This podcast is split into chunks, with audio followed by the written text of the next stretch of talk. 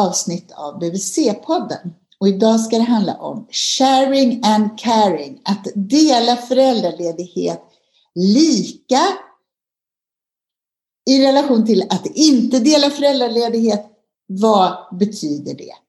Jag heter Malin Bergström, jag är barnhälsovårdspsykolog och idag träffar jag filosofie doktor i psykologi, Monica Lidbeck. Tack. Som också är barnpsykolog. Och du har nyligen, Monica, disputerat på en avhandling som heter just Sharing and Caring. Om att dela föräldraledighet. Precis. Du, vad var det som gjorde att du blev intresserad av föräldraledighet? Ja, men det är ju så spännande för jag har jobbat länge som psykolog eh, med gravida och nyblivna föräldrar och småbarnsfamiljer och då ser man ju ganska mycket vad som händer i den omställningen i föräldraskapet. Och tänker vi oss att det är liksom en eh, förutsättning som vi har i vårt samhälle att faktiskt dela på det hela genom föräldraledighet så blev jag väldigt förvånad över att det fanns så lite forskning som kunde påvisa vad som händer egentligen inom familjen eller inom föräldrarna. Så det var, det som, det var nyfikenheten på det som fick mig att eh, titta på det här. Alltså du hade mera det liksom, psykologperspektivet, att vad händer i en familj när vi delar? När vi är hemma med våra barn och när det är ungefär jämnt fördelat mellan oss paret. Mer det än vilka är det som delar lika och så. Alltså mm. den med sociologiska ansatsen. Mm. Fast egentligen var det ju så att min ingång var att jag från början var intresserad av att titta på föräldrastöd på BVC men så av olika anledningar blev det inte så. Och då började jag fundera på men hur kan jag komma vidare då och förstå vad händer här under första året? Och då började jag tänka på att det föräldrastödet som vi har för BVC, det är ju ändå mycket kopplat till de individuella besöken och föräldragrupper och sånt där och det sker relativt tidigt. Och när väl en, den föräldern eh, som tar föräldraledighet andra omgången då kommer hem, kommer hem och är hemma med barnet, då finns det inte samma upplägg. Det är kanske inte så täta besök på BVC och det är inte liksom givet att det finns föräldragrupper och så. Och då börjar jag fundera i den ändan, vad, vad, har vi för stöd att erbjuda föräldrar som faktiskt kommer hem och är i den situationen nu? Det var egentligen min eh, tanke som drev in mig också i detta när jag började liksom fundera lite djupare på ämnet. Så det, det du säger är att det finns en krock mellan att, att på något sätt så är föräldrastödet så som det är utformat idag på BVC, det är utformat efter att det är en förälder som är hemma och att det råkar vara så att någon gång vid, vad kan det vara, 8, 7, 8, 10 eller 12 månader någon gång så byts många föräldrar av och det har inte vi tagit med i beräkningen. Inte så att vi börjar om med någonting. I alla fall så är det en lite annorlunda situation. Du, berätta om din avhandling. Vad är det du har studerat? Jo, men eftersom jag är psykolog så är det ju naturligt för mig att ta ett psykologiskt perspektiv på det här och titta på det utifrån att den tidigare forskning som finns kring, kring föräldraledighet är mycket utav en sociologisk forskning eller socialpsykologisk forskning. Eh, och då vill jag veta lite mer vad händer inom familjen och i föräldrarna när det här eh, sker. Och oavsett om man delar lika eller inte delar lika, finns det skillnader? Eh, så det var liksom min ingång. Eh, och jag ville få liksom en förståelse för det och se om det fanns skillnader som kunde förklaras av hur man hade fördelat sin föräldraledighet.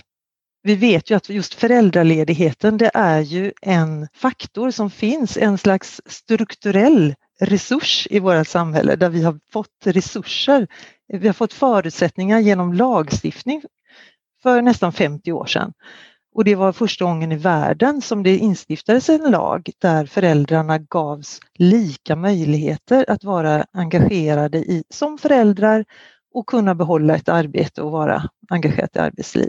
Så det var liksom ett tvåfaldigt syfte med föräldraledigheten både att barnen skulle få tillgång till båda och att kvinnor skulle få ut, möjlighet att jobba. Ja, precis. Men du Monica, det betyder att 2024 mm. är det alltså 50-årsjubileum av en Mm. könsneutral föräldraförsäkring. Ja. Och då kommer du leda firandet här då? Ja, visst, vi får hissa flaggan på något sätt. Jag vet inte riktigt hur, men eh, det får vi klura på. Nej, men, så att det är ju liksom de förutsättningarna som vi har med oss och sen så vet vi ju att det finns många faktorer som spelar roll hur det blir för de enskilda föräldrarna. Tidigare forskning då som sagt var har ju visat på att det är faktorer kopplat till arbetsliv till exempel som spelar roll om man upplever det som ett hinder att ta föräldraledighet eller inte. Det kan finnas, det är ju mycket normer kopplat till det här fältet också. Värderingar, förväntningar där det är liksom olika förväntningar eh, kopplat till om man blir förälder beroende på vilket kön man har, vad, vad som ingår i föräldraskapet och i inte minst föräldraansvaret och vem som ska förväntas ta det. Och det här finns det mycket som man kan liksom fördjupa sig i. Jag hoppas vi ska kunna hinna diskutera det här lite mer för att det är ju ändå så att det här föräldraansvaret berör ju liksom vardagsansvar. Det, det handlar om skötseln av barnet och hemmet och också liksom ekonomiska förutsättningar för familjer. Så det är många saker som vävs samman i det här och spelar roll för föräldrarna. Och jag vill bara säga väldigt kort att när det gäller just ehm, eh, hur föräldrar väljer att dela sin föräldraledighet så är det ju många som antar att det enbart beror på ekonomiska faktorer. Att man gör det som ger mest pengar. Men gör man djupare analyser utav uttagen så att säga så finns det inte de riktigt enkla sambanden. Utan det visar sig att till exempel bland de pappor som tjänar allra mest så tar man ut mindre föräldraledighet än de föräldrar som kanske tjänar eh, ja, lite medellön så att säga. Eh, och tittar man på pappors eh, uttag av föräldraledighet så är det som, nästan som en sån här ni vet, normalfördelningskurva. Så att de pappor som tjänar allra minst, de tar ut allra minst. Och de pappor som tjänar allra mest tar ut allra minst också. Och sen är det en puckel på mitten. Och likadant kan så man att tänka... ha riktigt bra lön som pappa fast Mm. inte tillhöra det absoluta toppskiktet. Det är det som, som har det starkaste samband med ett stort uttag av föräldraledighet. Ja, riktigt så enkelt är det inte för det handlar också om utbildningsnivå. Eh, och där kan vi också se att det är skillnader om båda föräldrarna är högutbildade till exempel. Då ökar deras benägenhet att dela lika. Om kvinnan är högutbildad så är det större eh, chans att partnern tar en längre föräldraledighet eller att de delar lika. När det gäller till exempel eh, män som har eh, höga positioner i samhället om man säger eller på företagsnivå, det finns det studier på också som har visat, där upplever de mer hinder från arbetsgivarna. Eller det beskrivs en hel del sådana hinder om man till exempel arbetar på ledningsgruppsnivå eller sådär.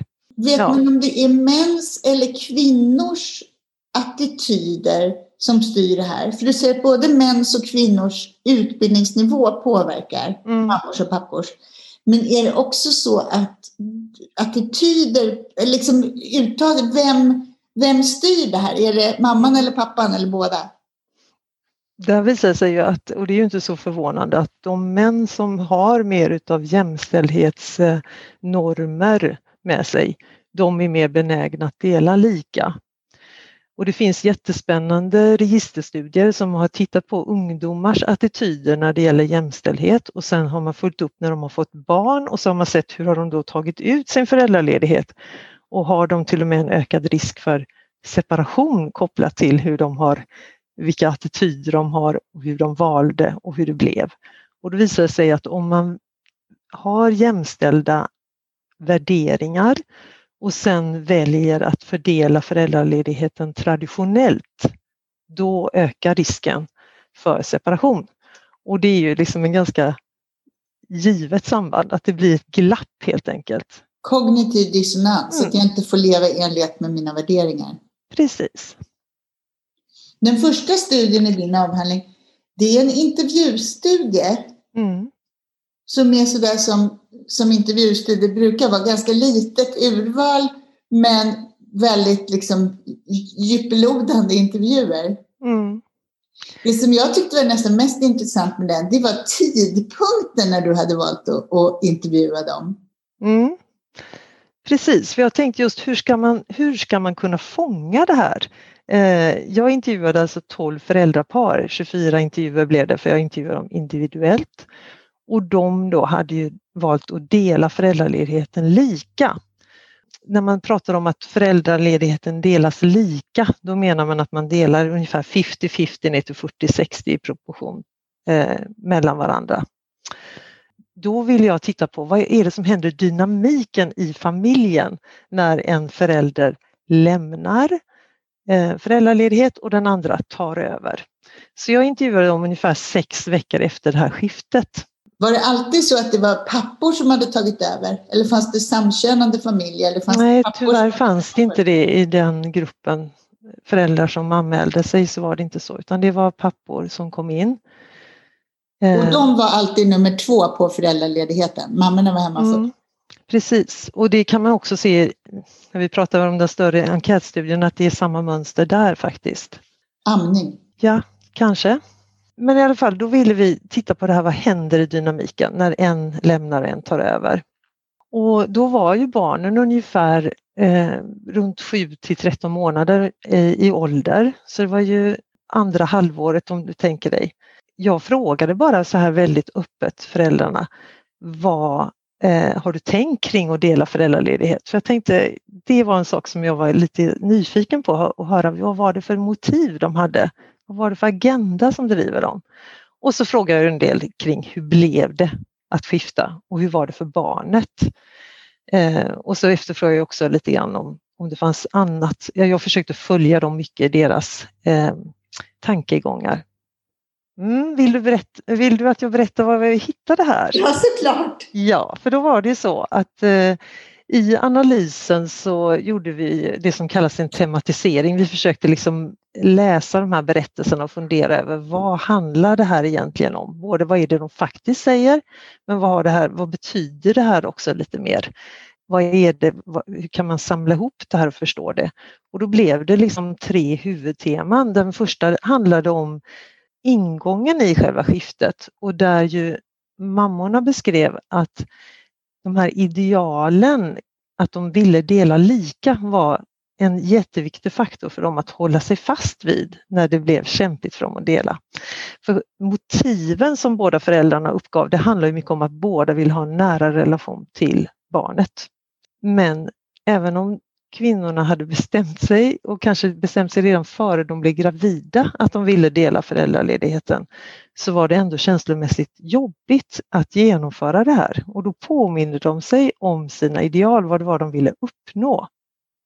Med det här. I de idealen Mm. så låg det att man tänkte att det gagnar ett barn Mm. att båda föräldrarna har lika stor erfarenhet av att på egen hand ta hand om ungen.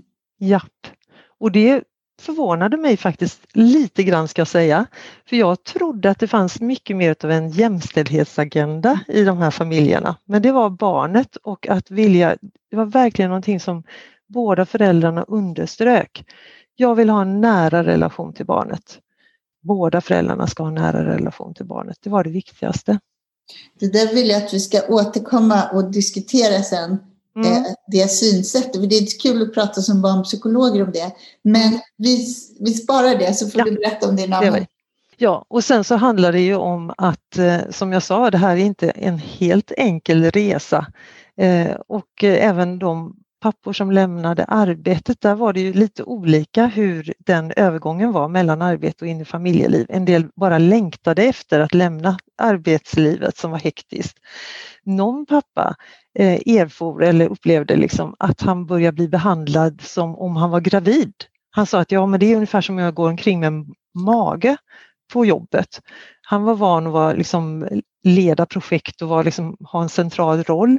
Och plötsligt fick han höra att nej men du är ändå inte här och nej men du är inte eh, engagerad i detta och mejlkåren började sina och så. Och han började liksom reflektera över, men är det så här gravida kvinnor har det? Eh, så det var liksom att han tog över en erfarenhet där. Men så småningom då så landade de in i det här skiftet.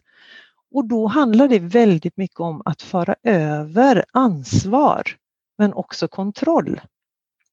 Och det skedde genom att kvinnorna på olika sätt verkligen var så noggranna med att på olika sätt visa att de ville lita på den andra föräldern genom att låta den andra föräldern hitta sitt sätt att ta hand om barnet till exempel. Eh, och det vet vi att föräldraförmågor, det är någonting vi tränar oss på, vi lär oss det. Eh, men en del av dem fick också kämpa en hel del med att släppa kontrollen. De ville lägga sig i helt enkelt? Ja. Och, men där återigen fick de påminna sig själva om, ja men nu måste jag bara släppa undan här. Men det var inte helt enkelt alla gånger. Samtidigt som ju det här var en motiverad grupp och engagerad eh, grupp föräldrar, tänker jag. Där papporna redan var delaktiga på olika sätt redan innan skiftet. Och det var också en sån faktor som underlättade när de skiftade. Att pappa ändå hade lite koll och hade varit kanske ensam med barnet eh, helg eller så tidigare. För det gäller väl för hela din avhandling Monica, att mm. du har undersökt, det är generellt sett människor som är inne i det här tänket, att de tänker att det är bra för barn, de har en stark vilja att stanna hemma, vara föräldralediga med sina barn och så.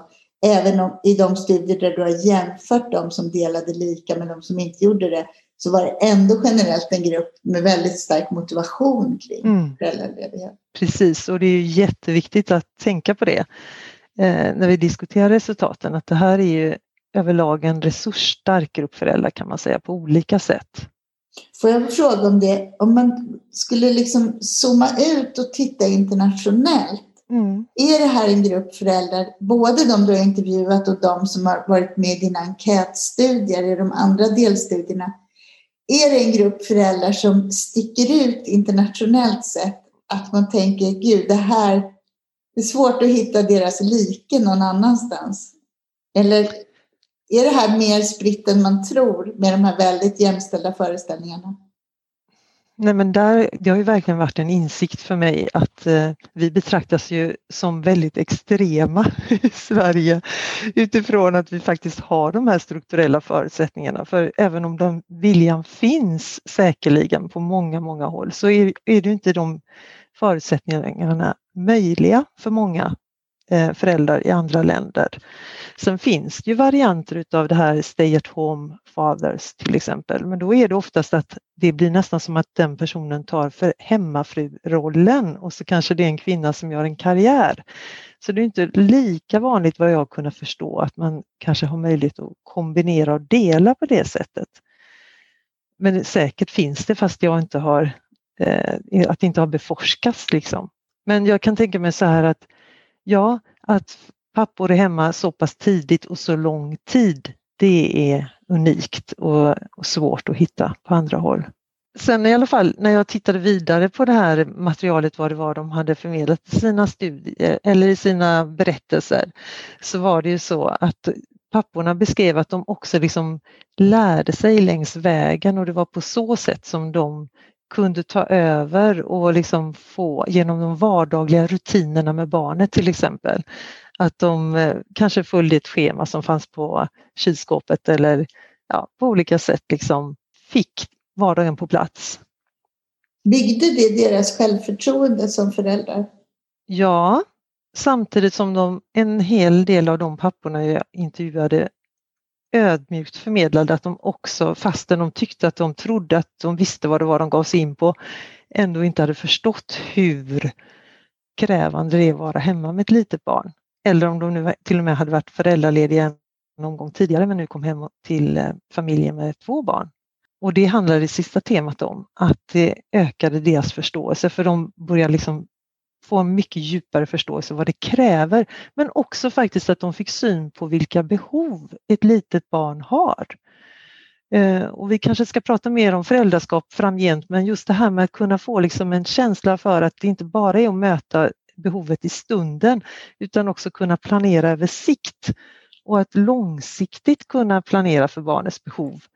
Och kanske också viss mån ta över lite av det här projektledarskapet som tenderar att hamna på mamman i, de, i många familjer. Det var någonting som de liksom hade börjat tänka mer och förstå, få en ökad förståelse för. Och det förmedlade både de mammor och pappor då som, eh, som jag intervjuade att de upplevde att de hade fått en ökad förståelse för varandra oavsett om det var att någon kom hem och var helt slut efter en jobbig dag på jobbet eller liksom vad det innebär att vara hemma med små barn. Jag måste bara kommentera den här projektledarrollen, för det är mm. otroligt intressant att de säger det, att de tar upp det liksom spontant.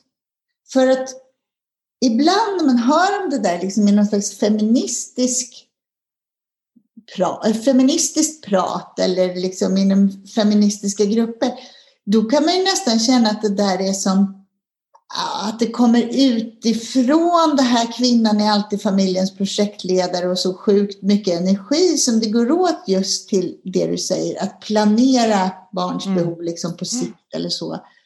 Eller att man, jag menar i andra kretsar skulle kunna här, härröra det där till liksom någon kvinnlig hjärna eller mm. så. Och så säger du att den här erfarenheten som bara handlade kanske om ett, ett halvår, att man bytte roller i familjen och var hemma med barnet på dagarna.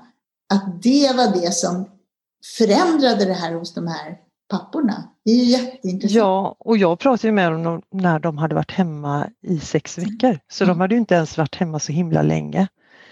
Eh, utan intervjuerna var ju i anslutning till det här skiftet. Men ändå så var det som att de, någon pappa sa så här, Ja, men jag har börjat fundera på när är jag ledig? När jag är föräldraledig? Kan jag liksom lämna över barnet? Är det okej? Okay? Kan jag... Att han liksom börjar fundera på sådana saker. Liksom. Att han hade guldkänslor för, kan jag liksom lämna ifrån mig barnet nu? Det är intressant tänker jag. Ja, det är underbart. Eftersom väldigt många mammor tänker så första ja. året. Och sen var det också en rolig, det kan, en sån liten detalj, men att flera föräldrar berättade ju om att efter skiftet så hade papporna börjat vakna eh, lättare på natten. De vaknar snabbare. Och någon mamma beskrev att ja, men när jag kommer hem nu efter jobbet så kan jag bara, det är klart att jag har längtat efter barnen och ja, precis efter skiftet så beskrev någon att det var att de fick liksom samla ihop sig för att det var känslomässigt jobbigt att öppna dörren och återförenas med barnet, att man hade längtat efter barnet. Men någon också då som beskrev att nej men jag, bara, jag kan sjunka ner på soffan och bara ligga där och jag har en helt annan fördröjd respons på när barnen vill någonting än vad jag hade före jag började jobba. Eh, att det blir någonting i hur, vad som händer i kommunikationen på något sätt i hela familjen. Vem som är in charge liksom. Mm. Vill du säga något mer om den här studien eller vill du gå över på de andra studierna som bygger på enkätundersökning? Men vi kanske ska ta oss vidare så kan vi väl kanske återkomma och prata lite mer om delat föräldraskap på olika sätt och föräldrasamarbete och sånt där. Ja, för jag gjorde ju också en parallellt med intervjustudierna, alltså, eller efter intervjuerna ska jag säga, då drog jag igång med en enkätstudie där vi tillfrågade föräldrar eh, som, när barnen var 6 månader och när de var 18 månader om olika aspekter som rörde deras föräldraskap, familjeliv, hur de hade fördelat sin föräldraledighet, en hel del sådana här bakgrundsvariabler också för att försöka se vad är det som händer i familjelivet. Och det här fick jag stor hjälp av ett gäng tålmodiga BHV-sjuksköterskor som rekryterade då i Göteborg och södra Bohuslän, 58 BHV-sjuksköterskor som jag är evigt tacksam att de bidrog till detta. Mm. Du, vad var det för grupp? Vilka var det som var med? Var det svenska föräldrar eller var det liksom, hur såg det ut? Ja men där var det ju så att eftersom ett av kriterierna för att vara med i studien var att man skulle förstå svenska så pass väl så man kunde läsa enkäterna och besvara dem så, så var det 6 ungefär av de föräldrarna som deltog som inte hade svenska som modersmål och det är ju inte representativt mot hur det ser ut som befolkningen i stort. Det är väl ungefär tre gånger drygt så många som har en annan bakgrund. Och sen var det ju också välutbildade föräldrar. Den absoluta majoriteten här, 85 procent ungefär, hade ju eftergymnasial utbildning så det är ju det, det, måste man verkligen ha i åtanke när vi tänker på de här resultaten och hur vi kan förstå dem. Så du delade in de här familjerna i två grupper sen Monica utifrån hur de faktiskt hade delat på föräldraledigheten? Ja. Och hur såg det då ut i respektive grupp? Hur mycket var papporna hemma? Ja, men det var intressant därför att i den gruppen som inte delade lika så var det så att vid 18 månader så hade de ju ändå tagit tre månaders föräldraledighet i genomsnitt. Så att det är inte så att det är så binärt att de inte har tagit någonting alls i den gruppen utan det är ju ändå en, en period som de har med sig där av föräldraledighet. Medan i den gruppen som delade lika så låg genomsnittet på ungefär åtta månader knappt. Så att det var ju, det är ju en lång period. Sen är det ju fantastiskt med föräldraförsäkringen att den är ju så otroligt flexibel så man kan ju liksom dra ut i tiden och vara föräldraledig 25 procent i ett par månader och sen öka i tid och sådär. Så att vi har ju räknat om all den här tiden som föräldrarna har angett att de har tagit tagit eller är på föräldraledighet och också planerar sin föräldraledighet, den bakade vi ihop i en faktor och, och liksom räknar ihop i månad då. Men själva föräldraledigheten kan man ju faktiskt ta ända ner till timvis liksom och fördela över tid. Och om vi tittar på hur det ser ut generellt i Sverige, alltså hur stor andel pappor är föräldralediga under barnets första 18 månader? Jag vet i alla fall att under barnets första två år så är, har eh, nästan 90 procent av svenska pappor tagit någon form av föräldraledighet. Och fördelningen i, om du bara rent övergripande, hur stor andel av föräldradagarna tas av pappor respektive mammor? Eh, numera 30 procent av föräldrapenningsdagarna som tas av pappor och 70 procent då av mammor. Och vad var det för liksom, utfallsmått eller för aspekter som du var intresserad av eh, att studera i de här andra studierna? Ja, precis, för det var ju så spännande att fundera på vad kan man fånga i det här? Och då var det krasst så att jag blev ju beroende av vilka instrument finns det? För jag behövde ju använda det som kallas validerade instrument, att det var redan testat och beforskat och kontrollerat för att det skulle kunna funka i, i svenska grupper av föräldrar. Och det var nog så intressant för det innebar att jag med en delstudie tittade på det som kallas föräldrastress och så kan vi berätta lite mer om vad det handlar om. Och sen så var det ju parrelationen som jag också var nyfiken på och sen också hur föräldrar samarbetar och hur gränssnittet ser ut mot arbetslivet. Det var det som jag undersökte de här tre delstudierna. Och vad, hur såg det ut med stressen?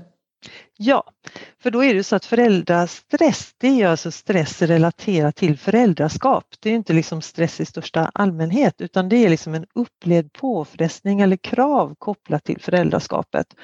Och att den då upplevs som, det upplevs som högre, att det är belastande på något sätt för föräldern. Så det är en stress associerad till föräldraskap. Men sen så finns det också forskare som menar att ja men det här att det är en eh, omställning att bli förälder, det är naturligt, det är normalt, det hör till. Det är mycket av den forskning som gäller föräldrastressen, den är ju eh, riktad mot föräldrar som har upplevt svåra saker, kanske att deras barn hjärtopereras eller är för tidigt fött eller någonting sånt där.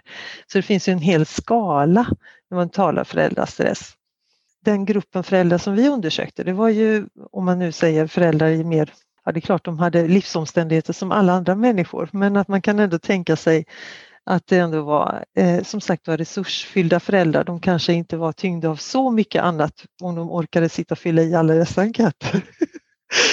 ja. Och föräldrastress då, det är en skala som, eh, som tittar just på hur kompetent känner man sig som förälder? Hur, har, hur mycket har man blivit begränsad i sitt liv eller i sin eh, vardag av att bli förälder? Hur ser det sociala nätverket eller stödet eh, ut runt föräldern? Och upplever man problem i parrelationen och också i sin egen hälsa. Alltså är man trött eller har fått tätt med infektioner och sånt där som man sätter i samband med att det har förändrats sen man blev förälder. Så det finns liksom flera olika sådana här aspekter.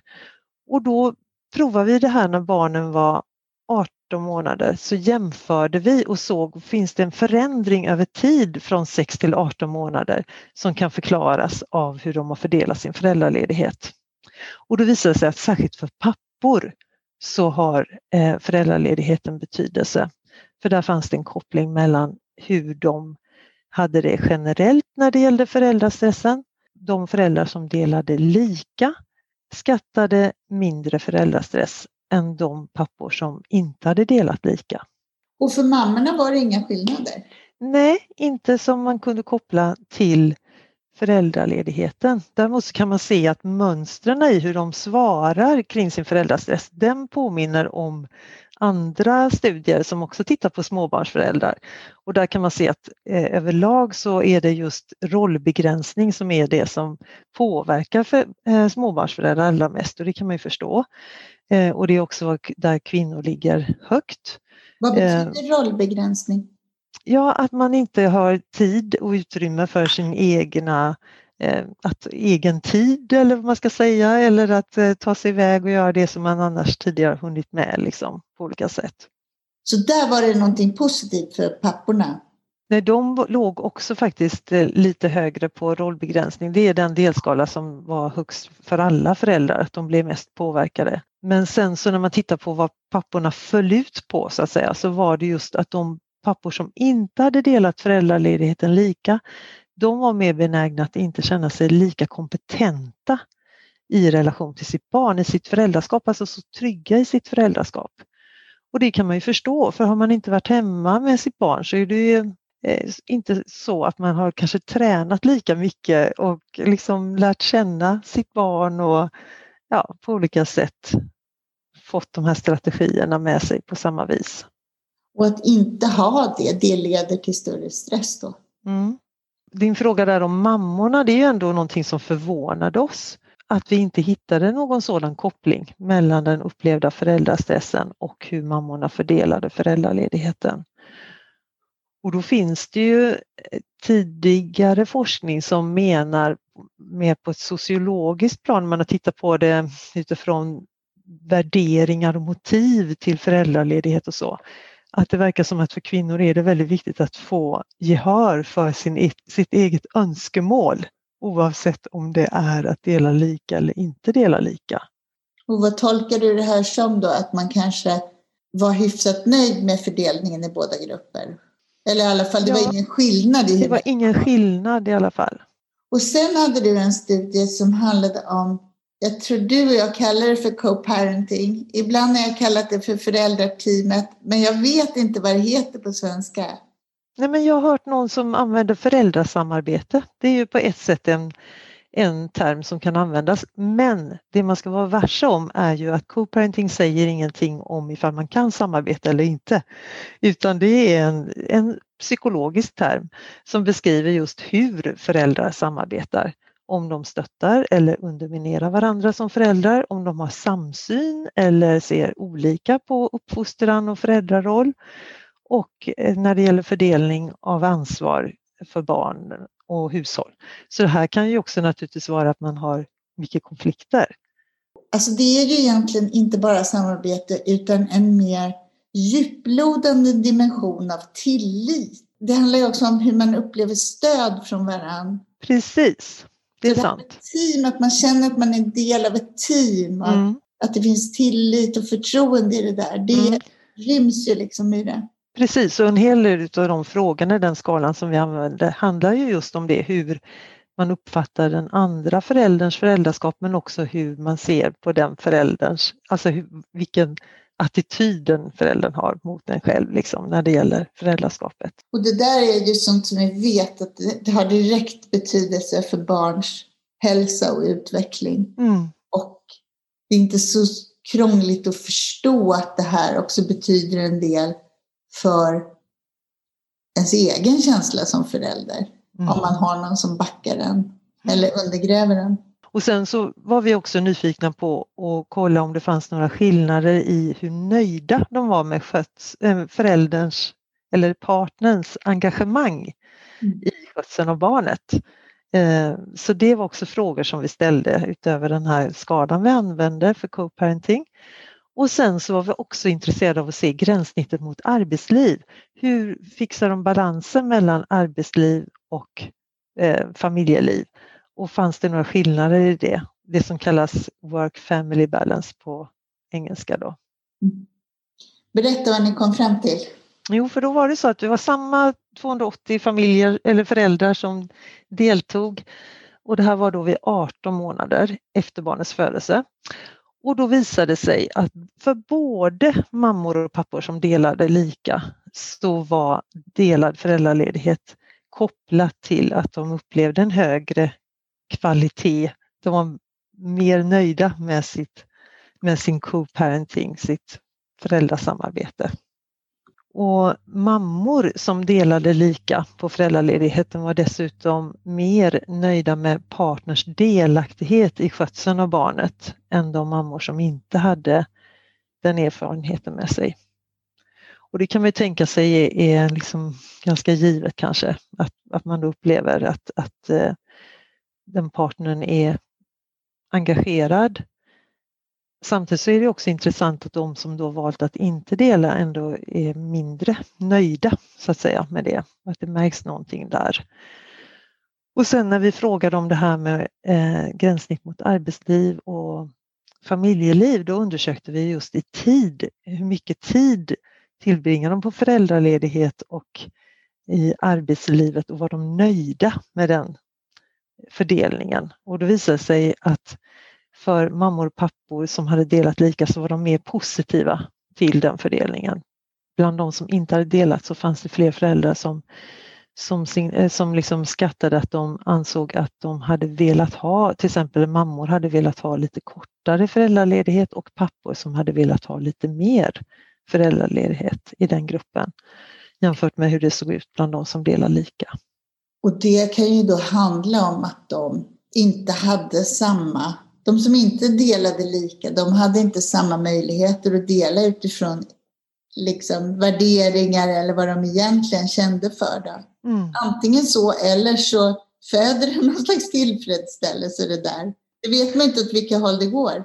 Nej, absolut. Och det där är ju jätte och särskilt den studien där vi bara tittar vid 18 månader, där är det lite klurigt därför att det kan ju finnas faktorer som ligger sedan tidigare att föräldrar som är mer benägna att samarbeta med varandra till exempel, de kanske också delar föräldraledigheten i högre grad med varandra. Sen var det så gulligt, för det var väl så att mammor, pappor, de var väldigt nöjda med mammans engagemang ja. i barnet oavsett hur man delade föräldraledigheten. Ja. Det där frågan är så tabuaktig att kritisera mammors föräldraskap. Det hade de snappat på något sätt eller? Ja precis, i alla fall så framkom det inte där att de hade några synpunkter på det sättet. Och sen var det en, den sista delstudien, det var mer parrelationer rakt av. Precis.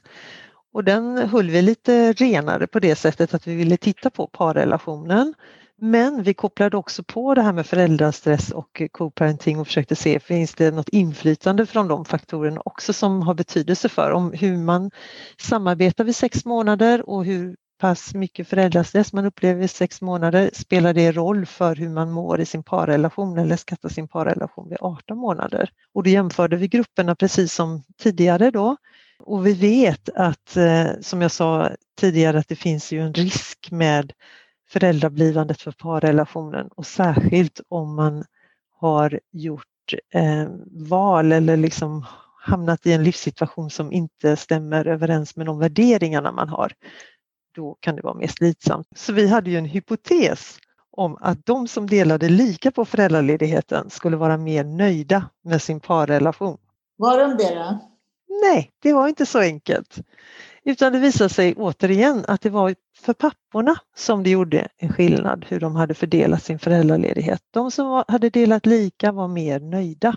Men däremot så hittar vi inga kopplingar till det här med den upplevda föräldrastressen eller hur de hade samarbetat vid sex månader, det kunde vi inte se. Och Eh, mammorna var det ingen skillnad? nej, för mammorna var det ingen skillnad. De ligger ungefär i nivå, alltså när man tittar på nivåerna, hur de svarar så är det ungefär motsvarande som i andra undersökningar med småbarnsföräldrar. Så det är liksom inga konstigheter, men återigen då så är det inga skillnader mellan grupperna som man kan se som är kopplade till hur de fördelar sin föräldraledighet. Om man väver samman de här resultaten, för att Mm.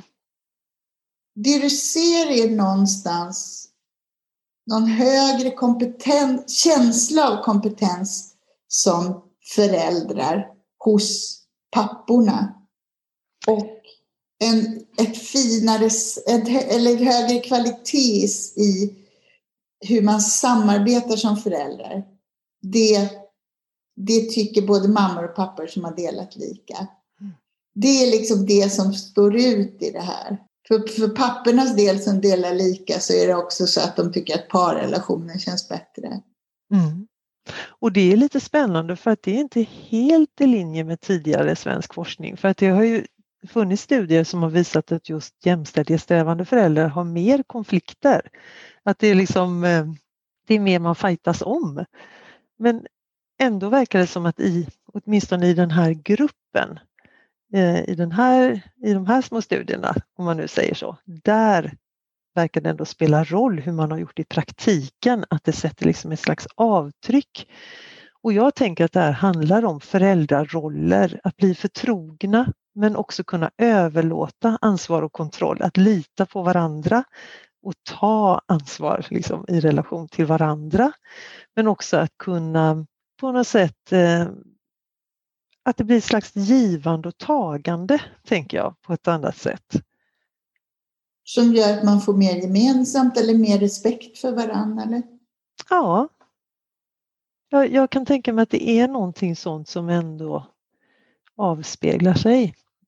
Att det blir liksom någonstans på djupet en större, större förståelse för varandra som kanske kan bära över en del av det som hör till vardagens liksom, utmaningar som småbarnsförälder på något sätt. Någon mamma sa det när jag intervjuade henne så sa hon ja men att, att, att min partner är hemma nu det är ju liksom jag har ju aldrig kunnat jobba så fokuserat som jag gör den perioden när han är hemma. Hon, de hade även en sån erfarenhet med sitt första barn. Och så sa hon, ja och sen börjar ju tokstressen liksom, med vabbande och att få ihop tillvaron. Men nu är det guldläge liksom, tyckte hon. Du, om du skulle liksom sammanfatta din avhandling i termer av så där som man brukar skriva som forskare, så här, implikationer för policy. så här tycker vi att man, de här resultaten ska guida hur man ska göra. Vad, vad tänker du då? Då tänker jag så här att, att båda föräldrar har och tar möjligheten att ha tid med sitt barn, det får en betydelse. Och så sätt är det viktigt att föräldrar ges de möjligheterna. Sen hur mycket som ska kvoteras, det är ju en brännande fråga. Och tittar man tillbaka på uttaget av föräldraledighet så är det helt klart kopplat till kvotering. Det var först när det kom den så kallade pappamånaden 95, då det liksom öronmärktes en månad, som uttaget började öka och, fram, och den andra fick också en stort inflytande för pappors uttag. Och där har man också kunnat se att för de grupper pappor som har lägre utbildningsnivå. Så, och utrikesfödda till exempel, där har det haft ett större inflytande för deras uttag. Och likadant när det gällde de så kallade dubbeldagarna eh, som ju finns, man kan ta ut en månad under barnets första år tillsammans, så är det också de papporna som kanske inte är som mest resursstarka som är de som har kunnat utnyttja den möjligheten genom att det har tillskapats liksom i försäkringen. Och det här är en politiskt laddad fråga där ju en del anser då att det här ska inte styras upp och andra menar att det här är liksom ett sätt att gynna jämställdhet och främja barns och föräldrars ja, på något sätt situation. Och vad tycker du då med, med, med en avhandling i ryggen? fortfarande så är det så att jag inte tycker att det finns något enkelt svar på den frågan. Min personliga åsikt är ju att jag är helt övertygad om att så många barn och föräldrar har att vinna på att dela föräldraledigheten. Samtidigt är jag verkligen ödmjuk för att det finns så olika förutsättningar i att göra det. Det finns hinder som vi inte bara kan liksom tänka är, är liksom normrelaterade och det får man också ha respekt för att det finns liksom tid med barnet är ju liksom en otroligt viktig faktor. Framför allt är jag så otroligt liksom glad över att vi har den föräldraförsäkring vi har i Sverige som faktiskt ger föräldrar möjlighet att vara närvarande föräldrar tidigt med sina barn. 25 procent av kvinnor som föder barn i USA går tillbaka till arbetet inom två veckor efter förlossning. Det är lätt att bli hemmablind som svensk liksom, och pusta och sucka över saker och ting. Men utifrån de perspektiven så har vi fantastiska möjligheter och man önskar verkligen att många föräldrar tar vara på dem. Så du åker inte upp på barrikaderna och säger att vi måste fördela ännu mer utan det du har fått är snarare att du har fått en känsla för vilka bra förutsättningar vi har. Ja, och sen så är ju det här ett slags socialt experiment och det är jättespännande att se att till exempel Island var tidigt ute att kvotera en tredjedel till pappa, en tredjedel till mamma och en tredjedel att fördela av den tid de hade. Men de har en kortare föräldraledighet än vi har. Så det finns ju olika liksom, parametrar som man kan skruva här i eh, som gäller policy. Alltså jag tycker bara det är så himla intressant det här vad som är sociala experiment. För mm. jag har ju forskat på barn som bor växelvis hos föräldrarna efter en skilsmässa. Och hela anledningen till att jag blev så intresserad av det, det var att särskilt barnpsykologer faktiskt, också barnpsykiatriker, kallade det för ett gigantiskt socialt experiment. Mm. Att folk höll på och lät barn flytta varannan vecka när de skilde sig. Och jag tycker det är så intressant att vi kallar allting som har med barns närhet till pappor för sociala experiment. Det är som att vi fortfarande utgår ifrån att det finns en naturordning som är att mammor står vid en spis och passar barn och mm. allting som går emot den normen som väl ingen av oss idag liksom riktigt omfattar. Mm. Då blir det ett socialt experiment. Är inte det ändå intressant? Mycket intressant Malin, absolut. Och det håller jag med om att vi verkligen har olika förväntningar på oss och särskilt inte minst när det gäller föräldraansvar och vad som ingår i det paketet. Och det tänkte jag att vi ska ses och prata om igen. Mm. Och fortsätta och, och, och prata om föräldraledighet i en egen podd. Kul! Ja, så att jag tänker att vi bryter ut från det här avsnittet och säger tack till dig Monica Lidbeck. Och tack själv! Då hörs vi igen. Mm.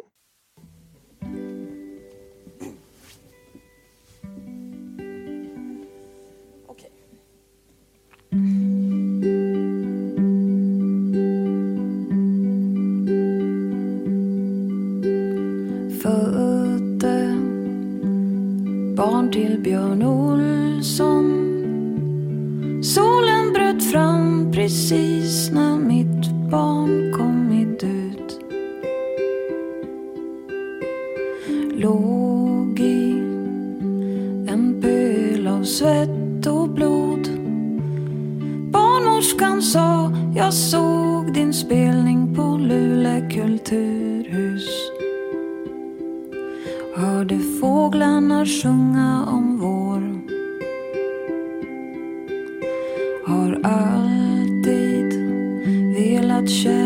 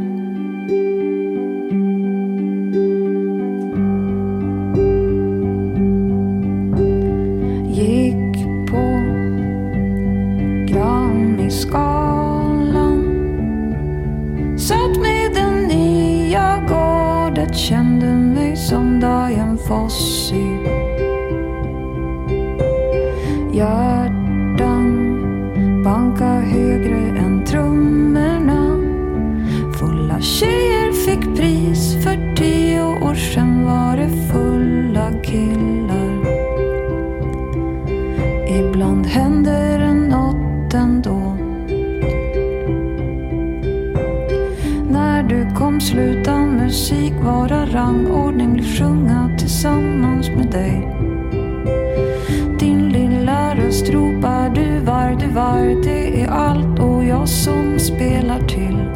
Och jag förstår musik igen.